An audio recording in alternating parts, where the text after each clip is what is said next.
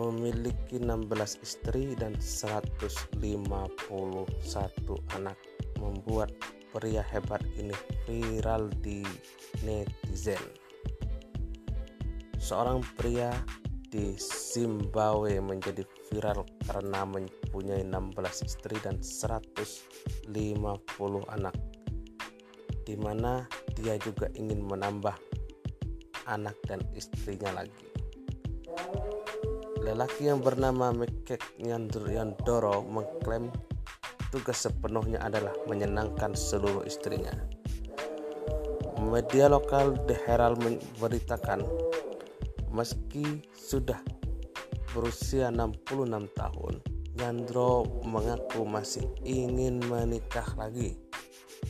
Mempunyai 151 anak membuat kakek ini merasa masih lebih muda atau setara dengan 100 anak lainnya. Jumlah anak Nyandoro juga setara dengan tim sepak bola yang menyatakan dia menjalani hidup mewah. Sebab anak-anaknya selalu memberikan uang dan hadiah dan sementara para istri memasak hingga mencuci. Nyandro menyatakan jika dirinya berumur panjang, maka impiannya adalah mempunyai 100 istri dan 1000 anak.